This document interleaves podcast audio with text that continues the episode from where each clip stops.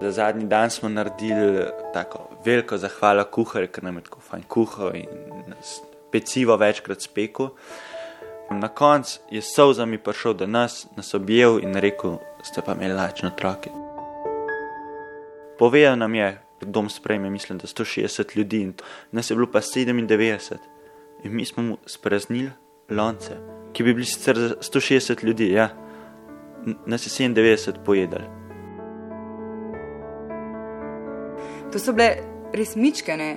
Tak, ne vem, tako otrok, jaz sploh nisem vedela, da lahko to poje, ker to so pojedle več od mene. Noč ni ustalo, ne bi rekla, da bi se samo zmišljale, pa samo eno stvar jedle, ne? ampak noč ni ustajale. Pri kosilu mi sedimo in jemo, pač, ne vem, mislim, zblejene testenine, pa solata zraven. Pa poje punčka solato, pa reče, meni je pa zmanjkalo solate. Sem rekla, bo še solata? Ja, ja, pet jo iskat.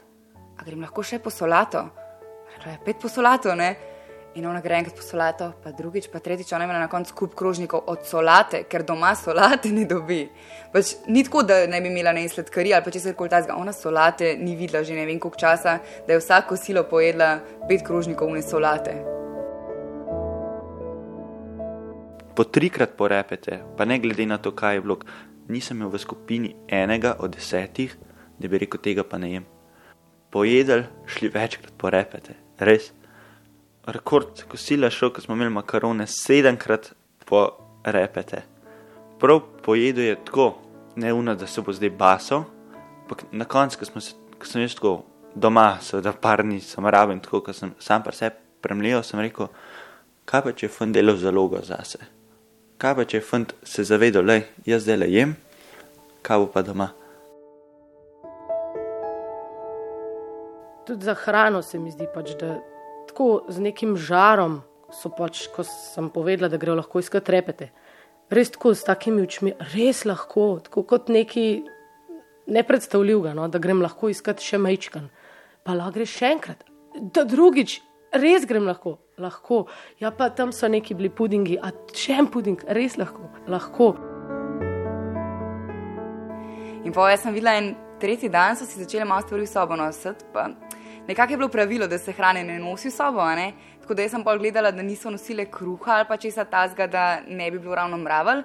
Ampak pa sem ugotovila, da to je v bistvu prestaje v kočkih oziroma v potovalkah, se pravi, so si one naštimale, da bojo to lahko nesle domov, iz česar sklepam, da oni tega doma ne dobivajo oziroma zelo, zelo poredko.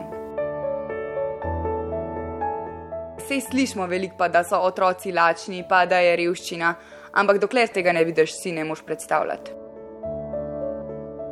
kakorkoli ljudje mislijo, da, da se zatiskajo oči, pa nas tega ni. Vem, to, to se dogaja samo v Afriki. Sigurno je, pa nas imaš tudi uh, zelo hude pri, primere in tudi pri nas ljudje živijo, mislim, otroci uh, živijo v še zmer zelo slabih razmerah in nimajo za osnovne pač, življenjske potrebe pokrite.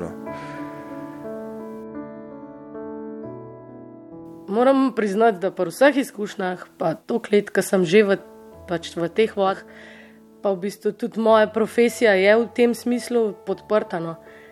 Pa sem rabila zdaj le kar po mojem kakšen teden, da sem nekako razčistila svojo glavo. Nisem mogla spati. Tako zgodbe ostajajo v tebi. Nore razmere, otroci res živijo v nepredstavljivih okoljih. No.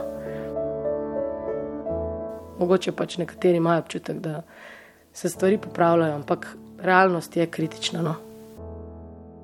Dragi odločevalci, ki ste si vzeli vsaj celo šolsko leto za premislek ali kaj spremeniti, dober tek.